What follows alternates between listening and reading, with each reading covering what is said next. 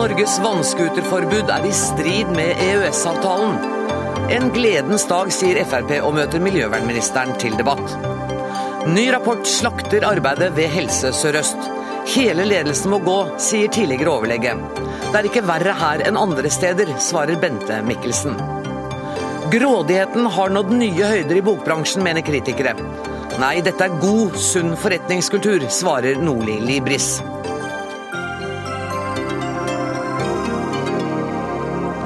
Dette er noen av sakene i onsdagsutgaven av Dagsnytt 18, der vi også skal til USA, for i natt går startskuddet for innspurten i den amerikanske presidentvalgkampen. Men aller først skal det dreie seg om vannskuter og vannskuterkjøring. For Norges forbud er i strid med EØS-regelverket. Det sier EFTAs overvåkingsorgan ESA nå i ettermiddag. Og Bård Hoksrud, du er samferdselspolitisk talsmann for Frp. Dere har jo lenge kjempet for å oppheve dette forbudet. Hvor glad er du nå? Nei, Jeg er kjempeglad nå, men jeg vet at det fortsatt er sånn at han som sitter ved siden av meg kan få lov å sende noen innsigelser. Ja. Så jeg skal vel fortsatt vente litt med å sprette champagne. ja, Det er snakk om et par måneder, men du kan være litt glad i dag. Jeg er veldig glad i dag. Eh, hvilke, hvilke konsekvenser bør det få at ESA sier at dette er imot EØS-avtalen? Eh, jeg håper at miljøvernministeren nå gjør at han legger denne her motviljen eh, ned i skuffen, og så er vi ferdig med dette. Og så åpner vi for at vannskuter skal kunne kjøre på lik linje med andre båter. Og det er altså, Jeg kunne gjerne hatt med et par bilde av en båt og en vannskuter. Mm. Og så ville jeg bedt miljøvernministeren fortelle meg hva som er forskjellen, for det er ikke noe forskjell i det hele tatt lenger. Det var det for 10-15 år siden, men det har skjedd en revolusjon på teknologien. Men du, Jeg har snakka med hytteeiere i dag som sier at vi håper endelig ikke dette blir det endelige resultatet. Ja. Fordi vi vil ikke ha vannskuterne fykende rett ved stranda vår. Nei, men Det handler om holdningene til de som kjører. og det er sånn at Man kan kjøre gærent med båt, man kan kjøre gærent med bil og man kan kjøre gærent med vannskuter. Men man skal selvfølgelig følge lover og regler. og det er altså sånn at Det støyer ikke mer fra en vannskuter enn det de gjør fra en vanlig båt. Og nå er det jo ikke sånn at det er totalforbud, Hoksrud. Det finnes jo, Kommunene har jo anledning til å gi tillatelse i enkelte områder. Noen veldig få plasser har de lov. Den nye forskriften som da trådte i kraft 6.7, eh, den skulle gjøre det lettere for folk, ifølge miljøvernministeren, å få bruke vannskuter. Men det har det definitivt ikke gjort. I mitt fylke Telemark så har altså 15. juli så var det 15 stykker som ble stoppa og tatt av politiet. Det hadde politiet masse ressurser til å gjøre noe med. I dag har det blitt på nytt tatt. Skal vi ikke, ikke ta, akkurat, nei. uh, Bård Vegar Solhjell, miljøvernminister. Ifølge de norske forskriftene som dere i Miljøverndepartementet har skrevet, så er det en rekke områder der det ikke tillates bruk av vannskuter. Bl.a. av miljøhensyn. Hvordan mottar du det budskapet fra ESA i dag? Med et stort smil, ja. Nei, jeg er jo ikke glad. Nei. Og det tror jeg er fordi uh, de fleste mennesker i Norge tror jeg ønsker seg ganske store områder der vi skal ha fred og ro. Der det at vi kan ha stillhet, være på stranda, fiske ved fritidsboligene våre uten for mye støy, er viktig. Og etter hvert som det blir flere mennesker og flere båter og, og vannskutere, så er det knappere gode. Og det vi prøvde i sommer, var å lage regler der noen områder blir åpna for vannskuterkjøring. Det syns jeg er rimelig. Men der er ganske store områder som ikke blir det. Av hensyn til mennesker, men òg av hensyn til eh, viktige naturverdier. Men er du enig med Hoksrud at nå er det ikke noe forskjell på båt og vannskuter lenger? Jeg er uenig i det. Husk, de fleste båter i Norge altså Båt kan bety forskjellige ting, vannskuter kan bety forskjellige ting. Men de fleste båter i Norge de brukes til nytte. Til transport, til fiske, til friluftsliv. De fleste vannskuter brukes til å ha det moro. Og ikke et vondt ord om å ha det moro, jeg liker å ha det moro. Men det er forskjell. Bare ikke på vannskuter. Og, og, og, det kan òg være moro, men, van, vannskuter kan òg brukes på en annen måte nærmere land, opp på strender osv. Derfor syns jeg det er riktig at vi skal ha ganske store områder som ikke er åpna for vannskuter, og andre områder som er åpna. Men nå, nå, har vi jo fått det brevet fra ESA, så nå må vi kikke på, eh, på det et par måneder framover. Ja, I to måneder har dere på dere nå til å avgjøre hva dere skal gjøre. og Hvilke alternativer har dere? Dere kan legge dere flate. Du, det første vi må gjøre er at vi trenger litt mer tid til å se på et langt brev hva de egentlig er uenig i. For husk, det er jo ikke akkurat norsk skjærgårds eh, ve og vel de er opptatt av ESA. Det er fri flyt av vannskutere. Altså at du skal kunne, det er produsentene som har kjørt fram det her for at de skal kunne selge mest mulig vannskutere òg i Norge. Så, Så det er vurdere... penger i bånn her? Det er det det, det handler om? Det er jo ingen tvil om det. Det handler om, det, det vi har utfordra, er det som heter den frie flyten av varer. Og vannskuter er en vare, og de mener at da må de kunne selge det så mye som mulig òg i Norge, og derfor kunne bruke så masse som mulig. Så må vi nå se på skal vi forklare det regelverket vi har bedre, skal vi gjøre noen justeringer, tilpasninger. Det er mulig vi må gjøre. Eh, mitt mål, regjeringas mål, er i hvert fall at vi fortsatt skal kunne ha områder der miljøverdier og hensyn til mennesker regulerer at det ikke skal være bruk av vannscooter, samtidig som vi åpner områder sånn at entusiastene skal kunne kjøre. Er du fornøyd da, Hoksrud? Nei, jeg, jeg, er ikke fornøyd i det hele tatt. Fordi jeg, men bli, men bli! Ja, veldig bli, fordi det er, en, det er, en, veldig god dag. Og det er sånn at dette er jo akkurat på samme måte som båter og alt mulig annet. Så handler det om, om friheten. Og jeg er jo helt uenig i det miljøvernministeren sier. Eh, alle ønsker å ta hensyn til naturen og ta hensyn til miljøet. Men det handler altså om at det regjeringa gjør, er hele tida prøve å å ta disse vannskuterne. Jeg vil se da Eksempler på senest i dag ble de tatt på nytt. og Det er, nest, altså, det er sånn at noen er ute etter dem, og det har kommet fra miljøvernministeren. Jeg syns det har vært mye bedre nå. ESA sier klart og tydelig at dette er i strid med EØS-avtalen. Kan hende at han gjerne ville sagt opp EØS-avtalen, men det tror jeg kanskje ikke statsministeren er enig med Bård Vegar Solhjell i. Alle er jo ikke for at vi skal ta miljøhensyn. Du vil ha fritt fram for de vannskuterne. Jeg mener at den friheten til fred og ro når du er nær sjøen, faktisk er ganske viktig for mange mennesker i Norge. Når eh, det blir mer støy, flere mennesker. Og jeg mener at en del av de miljø- og naturverdiene, ta den nye nasjonalparken utenfor Ytre Hvaler, at det er et område det ikke bør være vannskuterkjøring. Eh, og så registrerer jeg at Hoksrud er mer opptatt av vannskuterne enn av folk og mennesker. Men, jeg, men jeg, jeg, jeg, er mer opptatt av den jeg, ser på som friheten til å, å, slippe, men at vi samtidig skal ha områder der det definitivt kan kjøres. Og det har vi altså åpna større muligheter for. Kanskje må vi òg se på justeringer. Og kanskje må dere åpne enda litt mer for at ESA eller EØS skal bli fornøyde? Vi må få gå gjennom og vurdere det, det er ingen tvil om. Jeg tror de må åpne veldig mye mer eh, hvis ESA skal akseptere det som ligger her. Og, og det er jo hele poenget at dette er ikke noe forskjell på dette enn en vanlig båt. Og Det er det miljøvernministeren prøver å late som at dette er noe helt annet enn en vanlig båt. Den støyer mindre, den er akkurat på samme måte som en vanlig båt. Og folk bruker også dette for å transportere seg til og fra, på samme måte som man bruker en helt vanlig båt. Så Derfor prøver miljøvernministeren å gjøre dette til noe annet enn det det er. Det er altså valget. Noen ønsker å kjøre vannskuter istedenfor å kjøre en vanlig båt. Men, men miljøvernministeren har jo da åpenbart, i hvert fall de hyttefolka jeg har snakka med i dag, på sin side når det gjelder å begrense det. Selvfølgelig finnes det, finnes det forskjellige meninger om det, og det er veldig stor respekt for. Men som sagt, jeg tror ikke dette blir det store problemet. Det er noen som syns at vannskuter er en bedre måte å transportere seg til og fra på, og som syns det er bedre enn å kjøre med en vanlig båt. og Det syns jeg er kjempebra. Og så når han sier at vi har åpna, det er knapt åpna, da må man gjøre mye, mye mer hvis ESA skal akseptere det man har gjort. Jeg tror Hoksrud her ikke er på lag med folk flest. For jeg tror veldig mange syns det er greit med de store områdene der vi ikke skal ha vannskuterkjøring, fordi friheten til fred og ro er viktig, fordi miljøet er viktig. Men det er klart, jeg er òg tilhenger av at det skal være områder der det går an å kjøre vannskuter. Det, det syns jeg entusiastene skal ha mulighet til det. Nå får vi se for hvordan vi skal innrette oss. Jeg tror det er bedre å ivareta alle, alle hensyn enn at det bare skal være fritt frem. Avvente det litt, så kjøper ikke jeg vannskuter før det har gått to måneder i hvert fall. Tusen takk for at du kom, Bård Vegar Solhjell og Bård Hoksrud.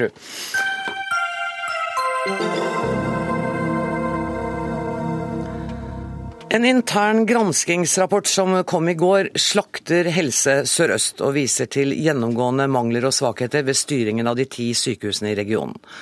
Rapporten konkluderer med at det pasientadministrative arbeidet i helseregionen ikke har vært tilstrekkelig for å sikre at hver enkelt pasient får riktig behandling til riktig tid. Anders Valle, du er tidligere overlege ved Oslo universitetssykehus. Denne kritikken som rapporten inneholder, kommer det overraskende på deg? Nei, det er en kritikk jeg ville forventet. Du skriver i Aftenposten i dag eh, at eh, det sykehuset du arbeidet ved, viste sin ypperste kompetanse da katastrofen rammet 22.07. Dere klarte på kort tid å organisere arbeidet, få det gjennomført, var effektive. Og så beskriver du en hverdag som er det stikk motsatte. Hva er det du har opplevd? Jeg har opplevd eh, å avslutte min karriere etter 22, 42 år som overlege på ortopeden på Ullevål med en forferdelig hendelse men hvor alt fungerte.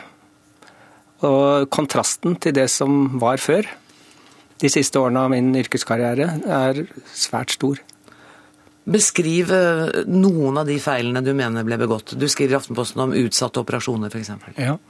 Eh, vi har en stor andel såkalt øyeblikkelig hjelp. Det er ikke alltid ting som må gjøres med en gang, men ting som kanskje kan gjøres etter en dag eller to eller tre. De pasientene kommer i siste rekke, på Ullevål fordi hjerter, hode, brystskader slikt kommer først. Ortopedpasientene kommer litt senere. Det gjør at hvis det er personalmangel, og det er det alltid med sykdommer, så strykes ortopediske pasienter. Dvs. Si, de flyttes til neste dag, eller dagen etter, eller dagen etter. Hvis du er eh, kirurg, eller ortoped, da, det er jo en kirurgisk spesialitet, så øh, opplever du stadig å måtte gå til disse pasientene og si dessverre, det ble ikke noe i dag. Noen blir aggressive, Svært mange blir skuffet, og pårørende kan reagere. Og som lege så ønsker du å gjøre ditt beste, og du har forberedt deg for å gjøre en god jobb, og så blir det ikke noe av. Og så blir det kanskje neste dag, da har du andre oppgaver. Da kommer en ny kollega som gjør jobben. Han kan være flink, men han får ikke den muligheten å forberede seg som førstemann har hatt. Og det som er mest frustrerende, det er at fordi det er så mange som venter på ø-hjelp, så må man av og til stryke planlagte operasjoner. og alle er kjent med de ventelistene som finnes. Og når det blir da forandring i det, så er det ikke lett å flytte bakover. Da blir man flyttet veldig langt bakover, kanskje. Ellers så må hele systemet forrykkes. Og det gjør planleggingen veldig vanskelig. Førte dette også til at det var arbeidsdager hvor du følte at du ikke hadde, fikk gjort alt du skulle? Altså at, at du ikke hadde nok å gjøre fordi at planleggingen var for dårlig?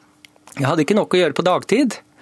Og så, fordi jeg har voksne barn og ikke sånne forpliktelser som mange av de yngre kollegene, så kunne det skje at jeg ble igjen utover ettermiddag og kveld fordi jeg følte ansvar for å gjøre den operasjonen som jeg hadde planlagt. Fordi jeg trodde kanskje jeg gjorde den litt bedre enn en som ikke hadde planlagt den.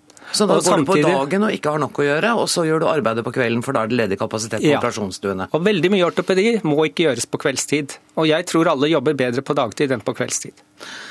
Du har sagt i Aftenposten i dag også at um, helseminister Støres første punkt på agendaen burde være å kvitte seg med hele ledelsen i Helse Sør-Øst. Ja, de er jo ansvarlig for denne sammenslåingen. Og for meg så er det ingen overraskelse at bygningsmassen på Ullevål er slitt. Det burde alle ha visst på forhånd. At det koster masse penger å restaurere eller bygge nytt. Eh, Rikshospitalet ble bygd for noen år siden, er for lite, og ved markagrensa kan ikke utvides. Slik at å slå sammen dette er for meg en merkelig tanke. Samtidig skulle de spare penger med en gang, eller ha mindre utgifter. Jeg forstår at man kan slå sammen budsjett, lønninger, kanskje personalavdeling, men jeg tror på nærhet til ledelse. Når det blir så mange ledd imellom som det er nå, hvor de som sitter på toppen ikke har kontakt med de som gjør jobben, så blir det ille. Og For meg så er det ekstra ille fordi jeg er på en, universitets, var, på en universitetsavdeling. Vi skal oppdra neste generasjon. De skal få gode rutiner, de skal få gode holdninger. Utdannelsen av neste generasjon var for meg, og er for meg, det viktigste. Og vi får ikke dyktige håndverkere hvis de ikke produserer håndverk. Hvorfor sa du ikke dette mens du fortsatt var ansatt ved Oslo universitetssykehus? Jeg har sagt dette ganske ofte, for jeg har hatt tillitsverv i Legeforeningen. Jeg er leder av spesialitetskomiteen i ortopedisk kirurgi. Og jeg har sagt fra dette mange ganger, men hvis du sier ifra dette for høyt, så har du ikke noen framtid hvis du skal videre i systemet, tror Nei, jeg. Det er vår erfaring at det er vanskelig å få folk til å komme med denne type kritikk, selv om de mener den. Eh, og du føler deg nå friere til å gjøre det? Ja, og jeg følte at jeg måtte Jeg var veldig frustrert på slutten. Jeg hadde tenkt å jobbe til 70 år. Jeg ga meg da jeg var 67.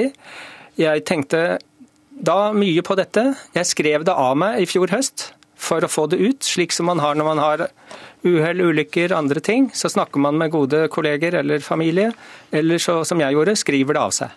Så kom det opp igjen på våren, og jeg har fått profesjonell hjelp med, av en journalist for å formulere dette slik at det blir lett å lese for ikke-fagfolk. Bente Mikkelsen, du er administrerende direktør i Helse Sør-Øst på høstferie nå i Lillehammer. Eh, takk for at du eh, tar deg tid til å være med i Dagsnytt 18. Nå har vi i dag eh, hørt at Valles fortellinger slett ikke var eller er enestående, for en revisjonsrapport over Helse Sør-Øst som ble offentliggjort i går, vitner om det vi må kalle gjennomgående helsefarlig svikt ved dine sykehus. Hva, hvordan reagerte du på den rapporten som kom i går, og på den kronikken du leste i Aftenposten i dag? Mm. Jeg tror jeg har lyst til å begynne med rapporten. Eh, dette er jo et arbeid som jeg har bestilt selv, eh, og er en eh, intern rapport på alle våre sykehus. Og det er klart at Åpenhet er den eneste måten for å klare å gjøre ting bedre. Åpenhet er også krevende, fordi veldig mange blir utrygge når det blir dokumentert såpass store svikt som det er i det pasientadministrative arbeidet. Men jeg følte det var helt nødvendig at vi gikk så grundig gjennom hvert eneste sykehus. Vi har visst om dette i eh, mange år, eh, og vi fikk det veldig demonstrert i eh, Vestre Viken-saken, altså denne saken saken som gikk på å flytte ventetider, og vi ønsket å lære. Og dette er den eneste måten. Vi er nødt til å dokumentere for å lære, for å bli bedre. Men den, dette gjelder altså perioden oktober 2010 til august 2012, som denne revisjonsrapporten handler om. Og du sier at dere har visst om det i flere år. Men jeg blir allikevel Jeg har bare lest sammendraget av rapporten. Men der står det altså at manglene og svakheten i det pasientadministrative arbeidet har i mange tilfeller fått konsekvenser i form av at behandling av pasienter ikke har startet i tråd med medisinskfaglige vurderinger. Noe som kan ha ført til forverring av sykdomstilstand, svakere sykdomsprognose og i ytterste fall medført forkortet levetid. Har dere visst om denne situasjonen i flere år? Vi har visst om at det har vært store problemer i det pasientadministrative arbeidet helt eh, siden jeg selv var turnuslege. Den gangen så var det jo ikke noe dokumentasjon. Da lå journalene rundt omkring på sykehuset, og en av de viktigste utstyret man hadde, var en universalnøkkel for å finne journalene. Vi har fått indikasjoner på at eh, det fortsatt var like ille, og dette var grunnen til at vi var nødt til å gå gjennom det helt nøye på alle sykehus. Og styret behandlet saken etter de første fem fem revisjonene. Og vi har gjort det vi har eh, kunnet fram til nå, med å støtte sykehusene i deres arbeid for å bli bedre her. Men dere, dere, har altså fått en revisjonsrapport som viser at det da ikke har skjedd noen ting fra 2010 til august 2012. Og jeg tenker, Hvis man vet at ting er så dårlige, hvorfor gjør man ikke med, noe med det istedenfor å be om en rapport? Vi har eh, jobbet med det fra første stund. Eh, hvert eneste sykehus som har blitt revidert, har eh, satt opp handlingsplaner fra sitt sykehus, og styrene har fulgt opp. Likevel så syns nok både styret i Helse Sør-Øst og direktørene selv og jeg at dette har vi arbeidet for langsomt med. Og vi har jo da prøvd å hjelpe til så godt vi har kunnet med å sette opp et prosjekt som vi kaller Glemt av sykehuset, for å hjelpe alle sykehusene til å lære raskere av hverandre. Og nå ser vi jo heldigvis at det løsner, sånn at i Sykehuset Vestfold klarer de nå å lukke disse dokumentene og jobbe bedre med det og klarer å redusere dette veldig mye raskere enn det vi har sett til nå.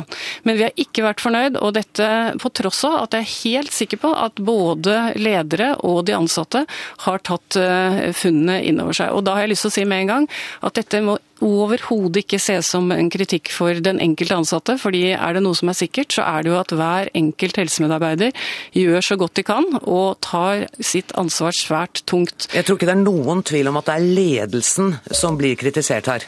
Det tror jeg er helt åpenbart for våre lyttere og seere. Hva du? Ja, Bente Mikkelsen er jo flink til å tåkelegge, syns jeg, og fjerne fokus. Jeg skjønner at du spurte om rapporten. Men det jeg har vært opptatt av, det er miljøet på de avdelingene som ble berørt av forandringene i Oslo-området. Og det er hun ansvarlig for. Jeg kan ikke se noen annen enn topplederen, som burde vite hva man gikk inn i, som burde vite hvordan det skulle gjennomføres, og som ikke har sørget for at dette var forberedt. Det er ikke mye parallelt som foregår på de avdelingene jeg kjenner, på Rikshospitalet og Ullevål. Så noen stor gevinst med at folk ikke skal gjøre dobbeltarbeid, det kan jeg ikke se at det var. Man visste at det var bygningsmessige svakheter i flere av de sykehusene som nå er slått sammen. Mikkelsen, la Mikkelsen svare på det. Nei, jeg vil gå litt videre. Okay. Jeg, har, jeg, har, jobbet 15 år i Norsk pasientforsikring. Jeg har jobbet med kvalitet for pasientene i systemene våre. Og jeg ser ikke de store svakhetene. Der 98% av pasientene som er fornøyd, og 2% som klager til NPE. Jeg er fullt klar over at det er mørketall her. Eh, det som er alvorlig for meg, det er frustrasjonen på de avdelingene som slås sammen på Ullevål og på Rikshospitalet særlig. Frustrasjonen gjør at man ikke trives på jobb. For meg så er kvalitet det er trivsel i arbeidssituasjonen. Har man ikke trivsel på arbeidet, så produserer man dårligere. Man gjør ingenting mer enn hva man er forpliktet til å gjøre i arbeidstiden. Og stemningen blir dårlig, rekrutteringen blir dårlig. Ungdommene som kommer, får dårlige holdninger. Dette gjør at det blir dårlig kvalitet. Nå må Mikkelsen få lov å svare. for Den frustrasjonen som eh, Valle beskriver her, den kan ikke du ha vært ukjent med? Absolutt ikke. Eh, og Det jeg kommenterte i stad, var jo det pasientadministrative arbeidet. Ja. Nå, eh, Jeg syns for det første at den kronikken som Valle har skrevet i dag, den var veldig godt skrevet, og jeg kjenner meg veldig godt igjen.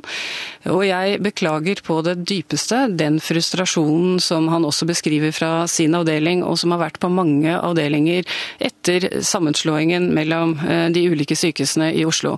Det han peker på er jo noe som jeg har ansvar for, Eh, og det er å sikre at målet forstås i en så stor omstilling. Men det fratar heller ikke eh, lederne på alle nivåer under meg å gjøre det samme. Og dette er noe vi blir eh, minnet på hele tiden, og det er ingen tvil om at hans fortelling fra sitt, sitt ortopediske miljø og fra sitt sykehus er korrekt. Og jeg tror at det han også viser til, er jo noe jeg selv har skjønt gjennom de samtalene jeg har hatt etter 22.07, og det er jo hvorfor får vi det til når det er en så stor eh, katastrofe?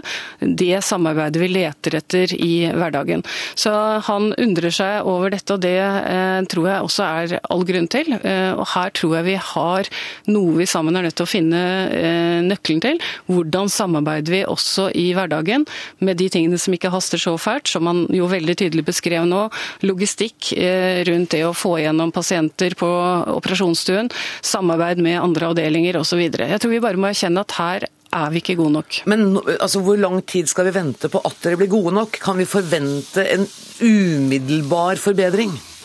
Jeg har også lyst til, fordi eh, vi har lyttere som ikke arbeider i sykehusene, å være veldig tydelige på at selv om det har vært veldig krevende for den enkelte ansatte på Oslo universitetssykehus, Akershus universitetssykehus og andre sykehus under omstilling, så er det jo ikke sånn at vi har et katastrofepreget eh, helsevesen.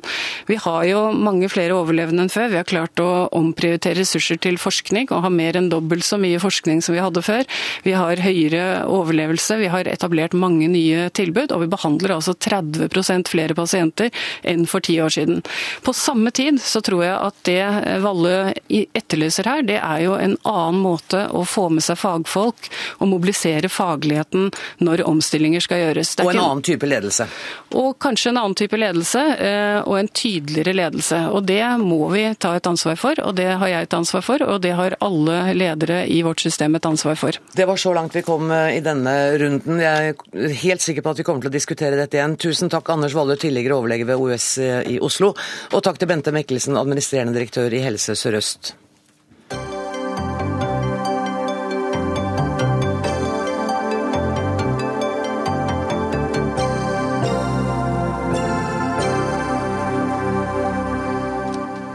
Frekke og grådige det er karakteristikker i aviser og på Twitter etter oppslag i Aftenposten i dag.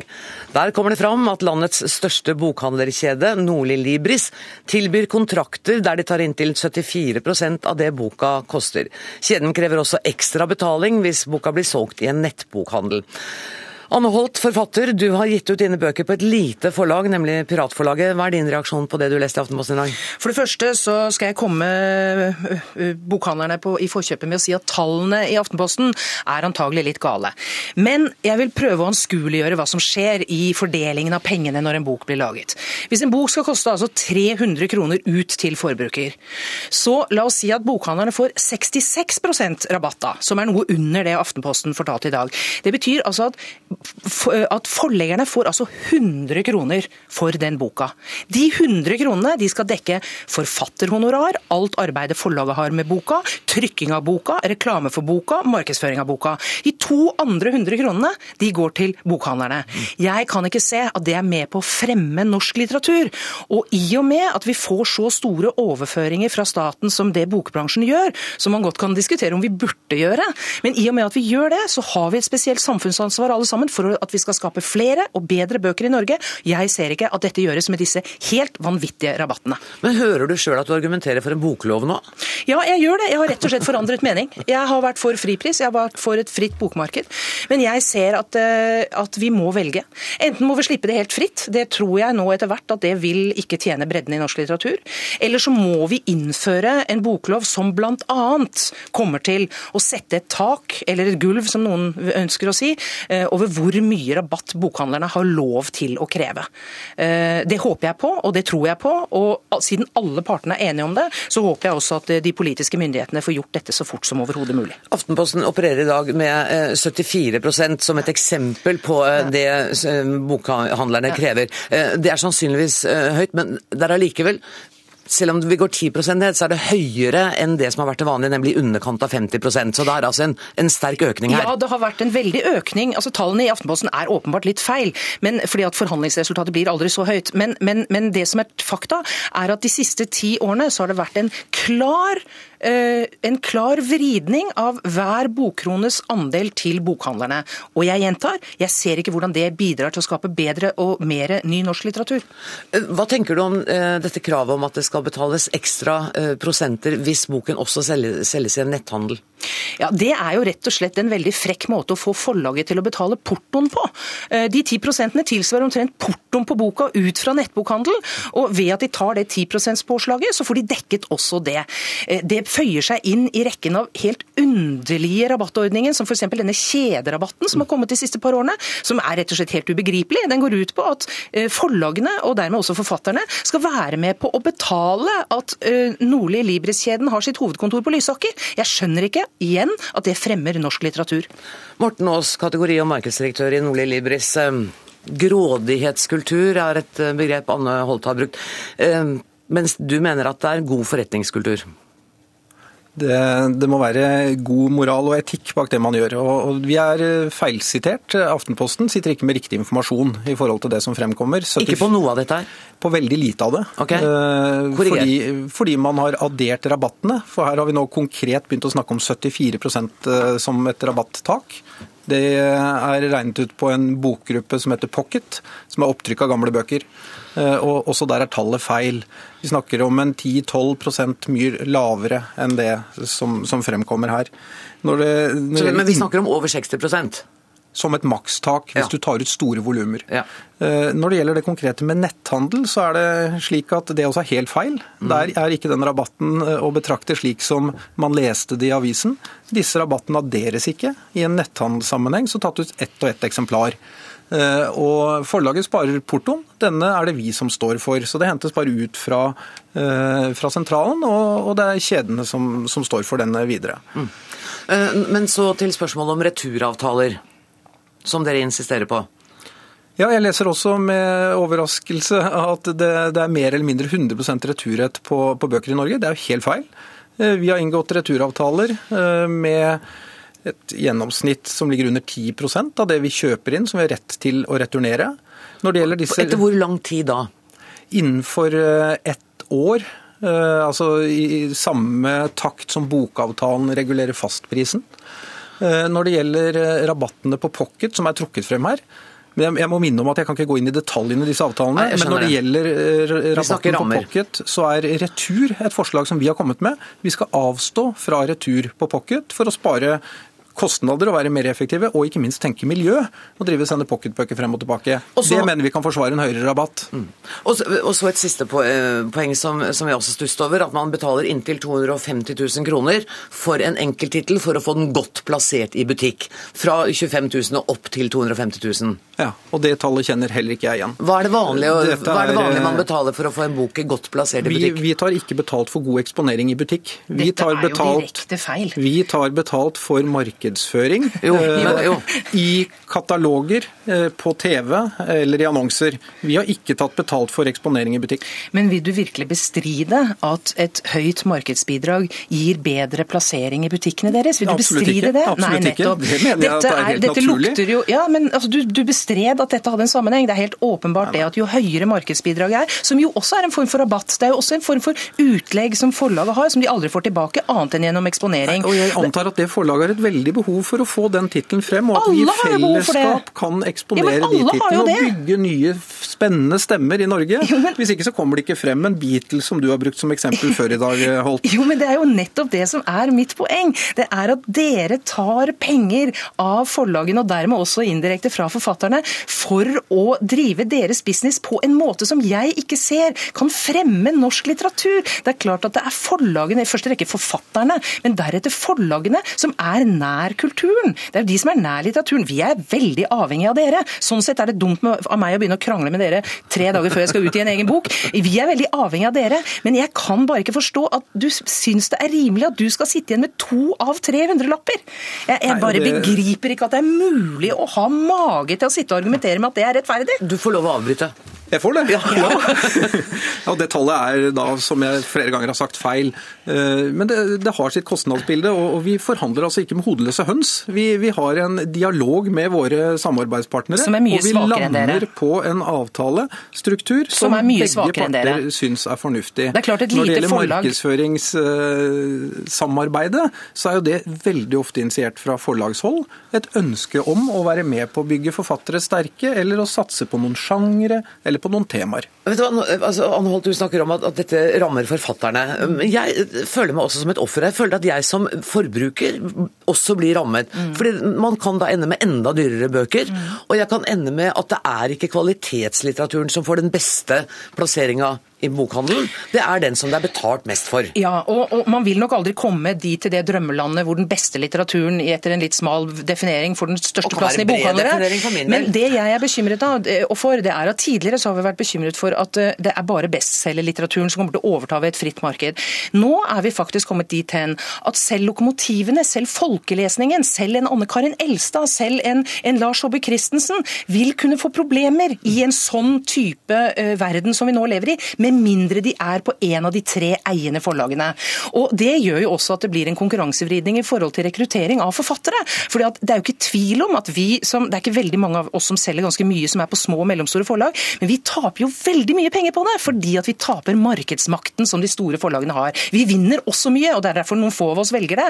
Men, men, men det er helt utrolig det er helt utrolig at man kan sitte fra, bokha, nei, fra, jo, fra bokhandlers side og hevde at dette er å ta samfunnsansvar å ta La oss bruke dine tall, da. Om det bare er 60% så er det en uhorvelig stor del av det som er profitten på norsk litteratur. Og jeg begriper ikke at siste leddet skal ha større rett til de pengene enn f.eks. det første, som er forfatteren, og som i verste fall bare får ni øre per krone. Morten Aas, er det et litt desperat forsøk på å bedre økonomien i en forsvinnende bransje? Om noen år så eksisterer dere kanskje ikke? Vi tror vi eksisterer om mange år fortsatt. Eh, det er ikke noe, noe sånn eh, desperat forsøk på å komme seg opp igjen. Vi, vi, har eh, våre kostnader knyttet til dette. her. Vi åpner våre 164 butikker. Vi har knyttet til oss abonnementsordninger som gjør at vi eksponerer bredt mye av det som kommer ut som ikke heller kommer til å selge svært i, i våre butikker. Og Derfor så blir denne Eh, forenklingen som Anne Holt eh, stadig kommer med, 60 øre av kronen blir tilbake. Altså, hvis man leser regnskapet til bokhandelskjedene, så er det jo ikke slik. Bruttofortjenesten ligger jo på ca. 45% Men, et... jo, men At dere driver dårlig, kan jo neppe forfatterne i Norge ta ansvaret for? Um... Hei, Kjersti Stenseng, eh, statssekretær i Kulturdepartementet. Du har sittet veldig rolig og tålmodig og hørt på. Hva tenker du når du hører disse motstridende synspunktene? Nei, I likhet med Morten og Anders vil jeg bare si at det, det er uhensiktsmessig å sitte og diskutere på bakgrunn av tall som da tilsynelatende ikke er korrekte. Men nå har vi prøvd Men, å rydde ja, bort det, og så ja. snakker vi allikevel om uenigheter. Ja. Uh, og Hensikten vår for å gå inn og eventuelt regulere et marked, er jo at i dag så har vi en, en fast pris som hos mener å ivareta en del av det som er viktige kulturpolitiske mål og litteraturpolitiske mål. Nettopp at du får en bredde og et mangfold i det som gis ut. At du får um, uh, en kryssubsidiering òg, som gjør at uh, det at du har best bestselgere òg kan være med å finansiere at det som vi kaller smalere litteratur òg kommer ut, og at den er tilgjengelig over hele landet. Eh, det mener vi er heldige konsekvenser av å gå inn og regulere et marked. Det vi ikke kan regulere i dag gjennom unntaket, er jo nettopp forholdet mellom forlag og bokhandlere. Nå er det tre veier videre eh, i det arbeidet vi gjør. Det er enten å videreføre unntaket, eh, og så er det et alternativ da å innføre en boklov, og så er det friprisen. Mm. Dersom vi skal innføre en boklov, så har vi da nettopp muligheten til å gå inn og regulere det som er stridens puddens kjerne her. Nettopp. Um, Kunne ikke det vært fristende? Jo, og hvis hun skal gå videre på et arbeid med en boklov, så regulerer oss da i ett ledd og sier at hun skal ha en fastpris ut uh, mot forbrukeren. og Da mener jeg at da er det riktig å regulere i uh, andre enden. Uh, at, li, at du skal unngå at de store med mye makt skal misbruke den makten. Mm. At du skal ha like vilkår for små forlag og for store forlag. Mm. Så det er en mulighet å gjøre dersom du går inn på en lov og skal regulere. Kommer dere til å det er et arbeid som pågår. Eh, det er ikke Det har vi ikke sagt noe om ennå når eh, en avgjørelse kommer og hva vi kommer til å lande på, men dette er jo da et arbeid som pågår nå. Og nettopp den type oppslag som kommer i dag, viser jo hvor viktig det er å se hvilke elementer er det som må tas inn i et eventuelt arbeid med å regulere litteraturen i lov. Mm. Mm. Og, og, den loven kommer i hvert fall ikke så lenge den gjeldende bransjeavtalen eksisterer. Jeg vet ikke, husker ikke når den går ut. Er det i 2015 eller 14? 14. 14. Ja. Mm. Så det blir i hvert fall ikke noen ny lov før da. Uh, tusen takk for at dere kom og ville snakke om uh, prisene på bøker. Agnes Moxnes, uh, Hjelp meg å rydde opp i diskusjonen, er du snill. Hva vil du ha hjelp til? Hva er, nå har vi altså en fastpris på bøker. Hva vil en eventuelt ny boklov kunne hjelpe meg som forbruker med? Ja, jeg må si jeg er egentlig litt usikker på det. Det er interessant å høre at det kommer såpass tydelige signaler fra eh, Kulturdepartementet at det jobbes eh, såpass aktivt med en eh, mulig boklov. Jeg syns det er litt tidlig å komme med en boklov, for vi snakker tross alt om en, en, distribusjon av bøker gjennom bokhandlere, når vi vet at bokhandlere for tiden er utsatt for en utvikling som vi ikke ser altså Vi ser ikke hva som kommer til å skje. Vi vet er det 650 bokhandlere vi har i Norge. Det er veldig mange bokhandlere. Libri, eh, Nordli Libris sliter. Eh, og, og jeg tror ikke det er noen grunn til å tvile på at de små forlagene, uavhengige forlagene, har store komplikasjoner i når de går inn i forhandlinger og må bite i det sure eplet ganske ofte. Men, det er ikke to likeverdige parter? da? Nei, og så hører vi jo samtidig at, de, at eh, Nordli Libris er eh, uenig i tallene, men de holder jo samtidig kortene tett til brystet, og det gjør bok, eh, bokbransjen. De holder kortene tett til brystet, sånn at det, er, det, tar ganske lang tid før man får innsikt i, i, en del av de tallene som gjelder, og hvilke avtaler som gjøres til enhver tid. Og så er det jo Ja, nei, still flere spørsmål. Nei, jeg, jeg, jeg vil ha bekreftet at du mener at det vil være forhastet å sette i gang en boklov nå? Ja, jeg syns det er rart hvis den kommer nå. Jeg må si det fordi at et annet annet eh, problem med bokbransjen er jo dette her som de har vært så vidt innom også, at du har forlag som eier bokhandlere og har store eierinteresser innenfor eh, de forskjellige leddene, altså hele næringskjeden, rett og slett. Og om man kan starte eller få en boklov mens systemet er sånn. Det er mulig at eh, Morten Aas og sånt må svelge noen piller før de får en boklov. Valium tenkte du på, eller? Nei. Vi, vi, får i hvert fall ikke noen boklov i år. Eh, og, og, uenigheten er fortsatt like stor, selv om man altså bestrider eh, alle tallene i eh, dagens utgave av Aftenposten. Jeg må si tusen takk for at dere kom. Anne Holt, Morten Aas, Kjersti Tjenseng og Agnes Moxnes. Jeg glemte å si at du er vår kulturkommentator.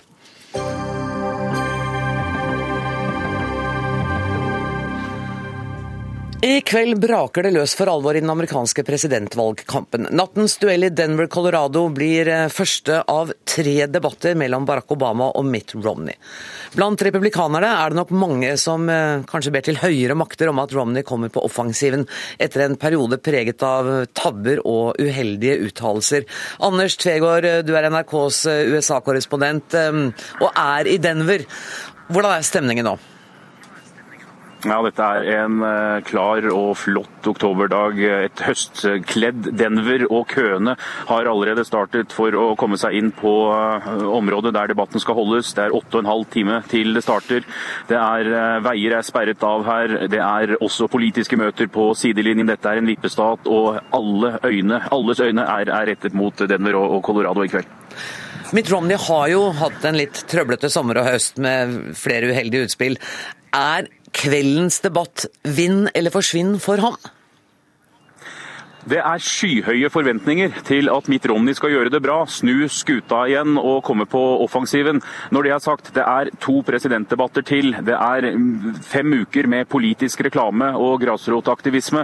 Så dette her er ikke nødvendigvis en, en, en vinn eller forsvinn, men Romney er ventet å, å, å, gjøre det bra. Gjør han det dårlig i, i, i dag mot eh, Barack Obama, så kommer det til å få den negative spiralen til å gå enda raskere. Romney har mye mer debatterfaring enn det eh, Obama har. Obama han har eh, lagt vekt på at, eh, dette, at forventninger ikke skal være altfor høye. Romney har jo en serie med, med, debatter i den republikanske nominasjonskampen nylig som han har vært igjennom og gjort det bra der. Og man håper på at han også skal da være på en, en aggressiv, men samtidig presidentkandidatskikkelse som står på scenen. Obamas folk har jo sagt, du sa selv at man skulle ikke ha for høye forventninger. og Obamas folk Folk har jo sagt at han har ikke hatt like god tid som motstanderen til å, til å forberede seg. Er det helt sant, eller er det sånn taktisk uh, gjort av uh, Obamas gruppe?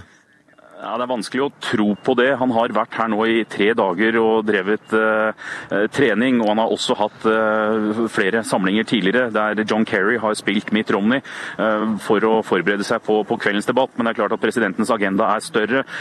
Rom, Romney-kampanjen har en, en, fordel ved at de har vært i dette debattforumet flere ganger. Det som er spesielt i kveld, er at det er nasjonale temaer som skal diskuteres. og Det er første gang de to får gå løs på hverandre. og velgerne her forventer mer innhold enn retorikk. Det kommer til å være en fullsatt eh, universitet i, i Denver. Publikum får ikke eh, klappe eller eh, heie underveis. Det skal være tyst i de 90 minuttene de to kandidatene står der uten manus og må bevise for amerikanerne at deres valg er det rette. Anders, helt til slutt, tør du å sette penger på hvem som vinner denne debatten i kveld, eller? Absolutt ikke, men, eh, og iallfall ikke med en NRK-lønn. Men eh, det er klart at eh, kommentatorene her elsker vinnere, og de satser på at Romney vinner debatten for å få en ny giv i, i, i valgkampanjen igjen. Tusen takk for at du var med, Anders Tvegård. Anders Romarheim, du er forsker ved Institutt for forsvarsstudier, og du skriver i en kronikk i Dagbladet i dag den som ser ut som vinneren, pleier å være vinneren. Ja, det stemmer. Eh, det er ofte lurt å skru lyden litt ned hvis man skal sitte oppe eh, i natt og se på denne debatten sånn som jeg har planlagt, eh, og sikkert mange andre. Det blir om åtte timer, da. Ja, det er sant det. Så vi får se hvordan det går. Men eh, med koffeininntak eh, og stor spenning, så skal det gå. Men det, det, handler mye om å se ut som en president. På engelsk så kaller man det 'being presidential'. Du må ha tykk hud, du kommer til å bli angripet hardt eh, av motparten, men det må du, du må tørre å kjempe tilbake. Og så må du gjøre det hele helst med et smil som ikke blir forbitret og kaldt og, og litt sånn der forbryteraktig. Blir man støtt eller brydd og mister fatningen, så, så har man et problem. og mange mange spår jo at Romney er nødt, fordi han er på defensiven, til å prøve å komme litt inn under huden på Obama og, og terge ham litt, rett og slett. Eh, du, du skriver også at er, disse tre debattene er Mitt Romneys sjanse til å gjøre liksom et ordentlig comeback som, på offensiven. Hvor stor er sjansene hans, syns du? Eh, han har oddsene mot seg, det er helt klart. Eh, og Obama går på scenen i kveld og kan og vil trolig prøve å safe inn dette her. For tre uavgjorte debatter vil være helt greit for Obama, sånn som eh, meningsmålingene står nå. Men vi skal ikke glemme oktoberoverraskelsene i amerikansk politikk. sånn at om, om ikke han bruker disse debattene, så kan noe annet skje. En internasjonal krise eller en politisk skandale med Obama selv eller Det demokratiske partiet, som vil fundamentalt endre racet. Men eh, hvis eh, Romney sjøl skal klare det her, så, så, er debattene den beste plattformen han har, eh, vil jeg si. Men du har også sagt at disse debattene sjelden er minneverdige. Det er ofte hvis noen plumper uti eller sier noe dumt. Ja. Eh, Har du noen eksempler på det?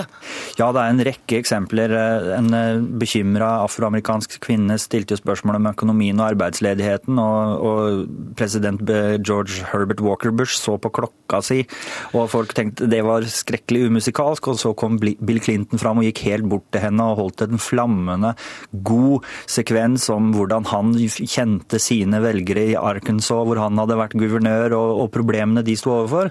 Og det var Clintons store debattmoment på bekostning av Bush senior sin eh, litt klossethet. Og så er det noe med utseendet. Du, du, var inne på det helt til å begynne med. altså Vi husker Nixon, og, og noen av oss husker Nixon og skjeggstubbene. Mm. Uh, og hvor viktig er dette? Hvor mye arbeid legger de i den fysiske framtoningen? Det, det, det, legges mye i det. Eh, for det er demonstrert gang på gang at eh, det er så mye mer enn hva de ak eh, akkurat sier, som er med på å forme mange velgeres oppfatninger. Og vi må huske at ved valg så stemmer alle, uavhengig av hvor interessert de er i politikk. Så det er mange som kommer til å se på dette her hvor en del av argumentasjonen går litt over hodet på dem, eller de, er, de gidder ikke å interessere seg for det. De har en middelmådig interesse for politikk, og da vil den som fremstår som vinneren, som har kontrollen og som dikterer dikterer og styrer eh, hele debatten, ofte være den som man tenker ja, han, han er den rette til å ha, være verdens mektigste mann. Anders Romheim, tusen takk for at du tok deg tid til å komme i Dagsnytt 18. Du burde egentlig ha sovet nå for å forberede deg til nattens debatt, men jeg ønsker deg lykke til med det. Takk. Hør Dagsnytt 18 når du vil, på nettradio eller som podkast. nrk.no – dagsnytt 18. Oljefondet brukes i dag ikke som et virkemiddel i klimapolitikken, men er bare ute etter å tjene flest mulig penger. Det er i hvert fall et sammendrag av det du mener, Arild Hermstad, leder for Fremtiden i våre hender. Hvordan mener du at oljefondet kan bli et virkemiddel i klimapolitikken? Eh, vi må først slutte å investere fondet eh, sånn at eh, det blir vanskeligere å løse klimaproblemet. Eh, det er det vi gjør i dag. Vi er nødt til å bruke fondet som en svær muskel i klimakampen. Det har vi muligheten til. Vi har masse penger på bok. Og det fins virkemidler, det fins investeringsobjekter der ute som egentlig bare venter på vår kapital, som kan gjøre en forskjell for å bringe oss over i det fornybare samfunnet. Hvordan er det vi investerer i dag som gjør det vanskeligere å løse klimaspørsmålet? Eh, det mest absurde er at vi satser eh, i 67 av de 100 største kullselskapene. Der er vi tungt investert. Eh, det betyr at vi sitter på kullreserver i verden som til sammen kan øke temperaturen med én grad, og det er ganske mye når vi vet at vi faktisk ikke har muligheten til å gjøre det. I tillegg så er kullobbyen i USA så sterk at den i seg selv har klart å stoppe mye viktig klimaarbeid. Så Det betyr at vi på en måte sponser de som eh, prøver å ødelegge det internasjonale klimasamarbeidet. Og Det eh, syns vi er det mest absurde. og må, De selskapene bør vi snarest ut av. Du etterlyser også mer åpenhet. Kan du være litt konkret på hva det er du etterlyser? Eh, vi har i dag en eh, dialog med de selskapene som eh, sannsynligvis er dårlig på klima, men vi vet ikke hvilke selskaper Norges Bank snakker med. Vi vet ikke hva de snakker med disse selskapene om, og vi vet heller ikke om disse selskapene gjør noe særlig fremskritt. Den dialogen får vi ingen innsyn i. Vi får heller ikke vite hvilke selskaper oljefondet mener at er klimavennlige og miljøvennlige som vi investerer i. Der har vi liten innsikt i hvilke selskaper og hvorfor de er valgt, og hvordan de, eh, hvordan de vurderer disse selskapene. Hilde Sengstad, statssekretær i Finansdepartementet. Jeg vet ikke, Kjenner du skamrødmen stige når du hører at uh, oljefondet bruker investeringene sine på klimafiendtlige selskaper, og at det er en lukkethet som gjør at vi ikke har innsyn i hvem de snakker med? Nei, jeg kjenner ingen skamrødme.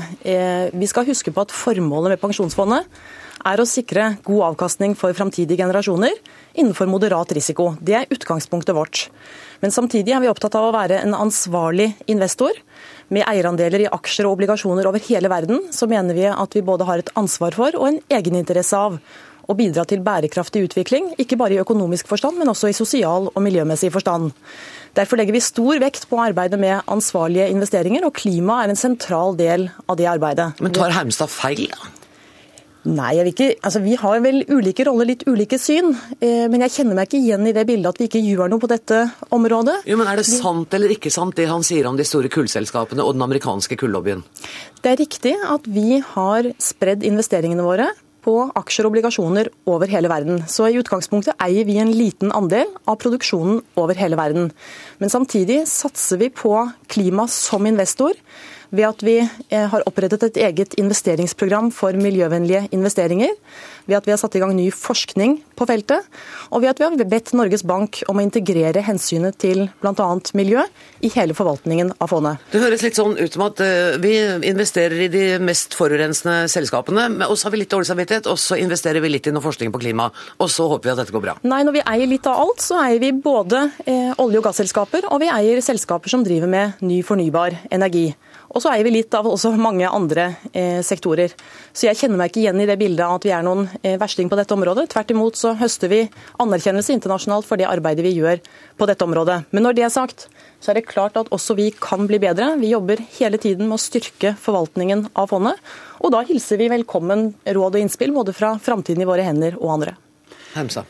Eh, vi mener at dette er et brennende politisk spørsmål. Hvordan skal vi klare å løse klimaproblemet? Eh, vi har en svær mulighet til å gjøre en forskjell. Eh, kan, Norge trenger ikke engang å si at vi skal bli ledende. Vi kan bare si at vi skal være med på utviklingen når det gjelder klimainvesteringer. Det finnes altså pensjonsfond i Nederland, i England, i Australia, i USA som gjør langt mye mer. altså Som investerer f.eks. i vindmølleparker til havs. Eh, vi kjøper altså handlegater i London, men vi ønsker ikke å investere i, i infrastruktur som løser klimaproblemet. Eh, dette er jo, Vi kan bidra masse med mer kapital i EU, som trenger kapital for å bygge ut ny fornybar energi. Men vi trenger også å få en tydelig signal fra politikerne i Finansdepartementet Vi skal igjen prøve å være ledende på klima. Vi, vi, en, vi må ha en ambisjon for dette fondet som gjør at våre etterkommere arver en jordklode som ikke er, hvor klimaet er ute av kontroll. Men nå sier statssekretær Singsås at hun er veldig interessert i å få innspill og ideer fra dere. Har dere henvendt dere direkte til departementet med disse synspunktene? Eh, vi henvender oss hele tiden til departementet, kanskje av og til til litt irritasjon.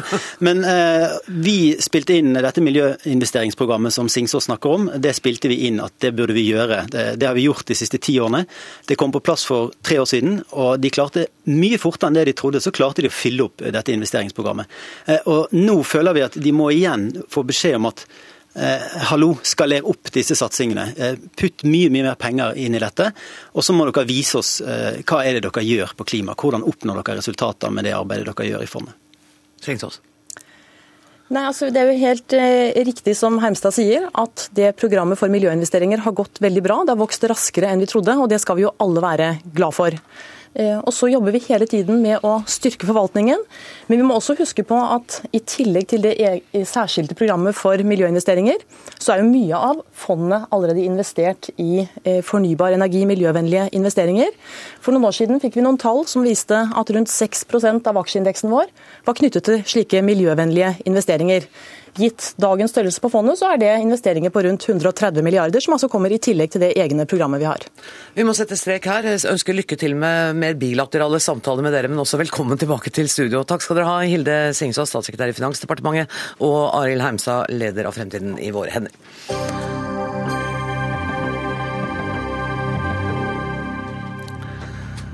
Fremskrittspartiets Kjetil Solvik-Olsen mangler politisk engasjement, hevder forfatter og kommentator i Bergens Tidende Frank Rossavik.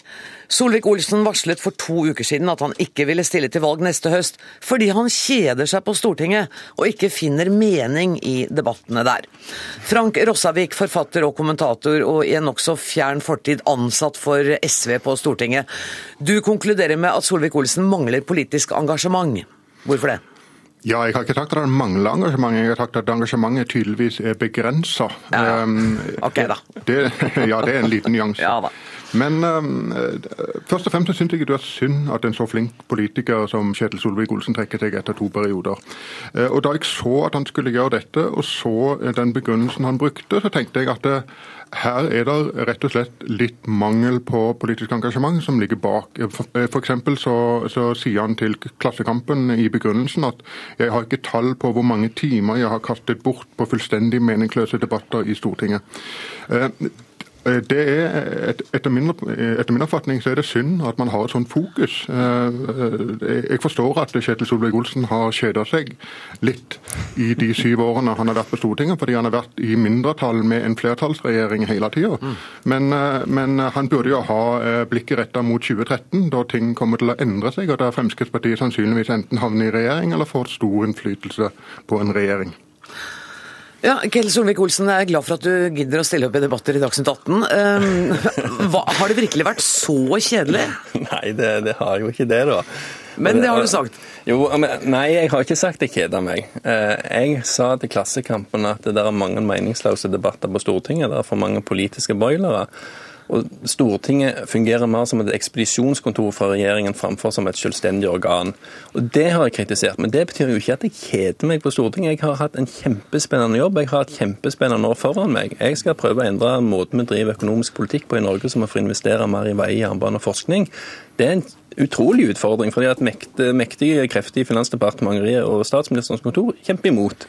Men det må jo gå an for meg å kunne påpeke litt av de svakhetene som vi har opplevd under den rød-grønne regjeringen, og at vi må ta lærdom av det på borgerlig side når vi skal få en blå, eller en borgerlig regjering. Uh, uten at det dermed blir sett på som at jeg kjeder meg, eller at jeg uh, syns det er ja, tullete å være der. Det er det ikke. Nei, Men hva er hovedinnvendingen din? Altså, Grunnen til at jeg ikke tar gjenvalg, det har jeg sagt før. og Det var veldig tydelig. Så har ikke Rossavik fått det med seg. Det handler om min familiesituasjon.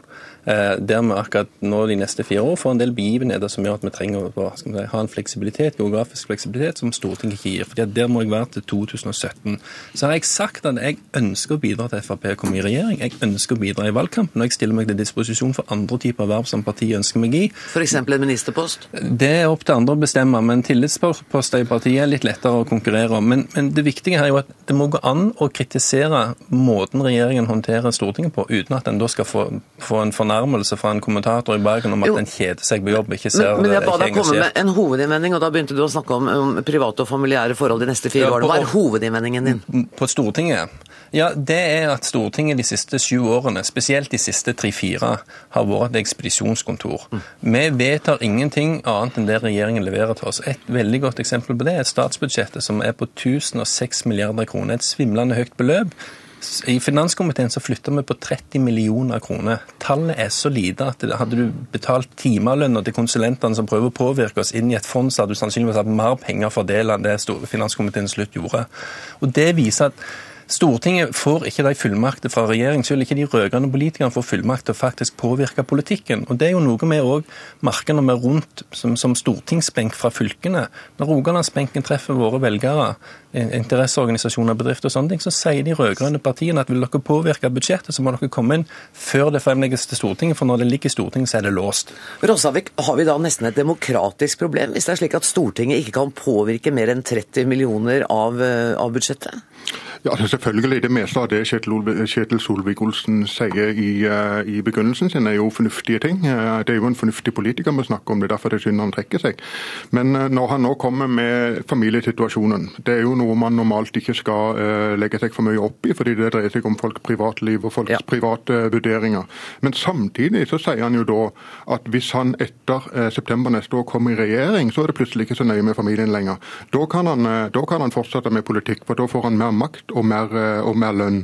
Eh, jeg, jeg, jeg, vil jo mene at dette eh, viser at noe av problemet her er et begrensa politisk engasjement. Mm. Det er ikke stort nok til at han gidder å være på Stortinget, men det er stort nok til at han gidder å være i, i regjering. Og Da er det ikke så nøye med de andre tingene. Et begrenset politisk engasjement, Solvik-Olsen? Nei, altså hvis du ser mitt eh Min historie på, på, Stortinget så er vel jeg en av de fem som har stilt flest spørsmål, reist flest debatter, vært med og fremmet flest forslag. Så jeg har hatt et brennende engasjement i å prøve å påvirke Norge og, og norsk politikk. Men, men ser jo, min erfaring er jo at det stemmes ned uansett om regjeringen er enig eller ikke. Sånn at de bruker det for å hente ideer som de senere fremmer. F.eks. dette med utrykningskjøretøy for tollvesenet. Ja, vi kan ikke ta nå. Det har 24 eh, sekunder igjen av denne sendinga. Eh, jeg håper å se deg i dette studioet, i hvert fall før du eh, slutter som stortingspolitiker. Jeg tar en pause. Jeg slutter ikke. Nettopp. Ja. Hørte du det, Frank Rossavik? Han tar en pause. Tusen takk skal dere ha, Kjetil Solvik-Olsen og Frank Rossavik. Dermed har vi nådd punktum for nok en Dagsnytt 18-sending. Ansvarlig for sendinga er er Siri Storsteinhytten. Det tekniske ansvaret har Per Ivar Nordahl. Jeg heter Anne Grosvold. Vi høres igjen i morgen.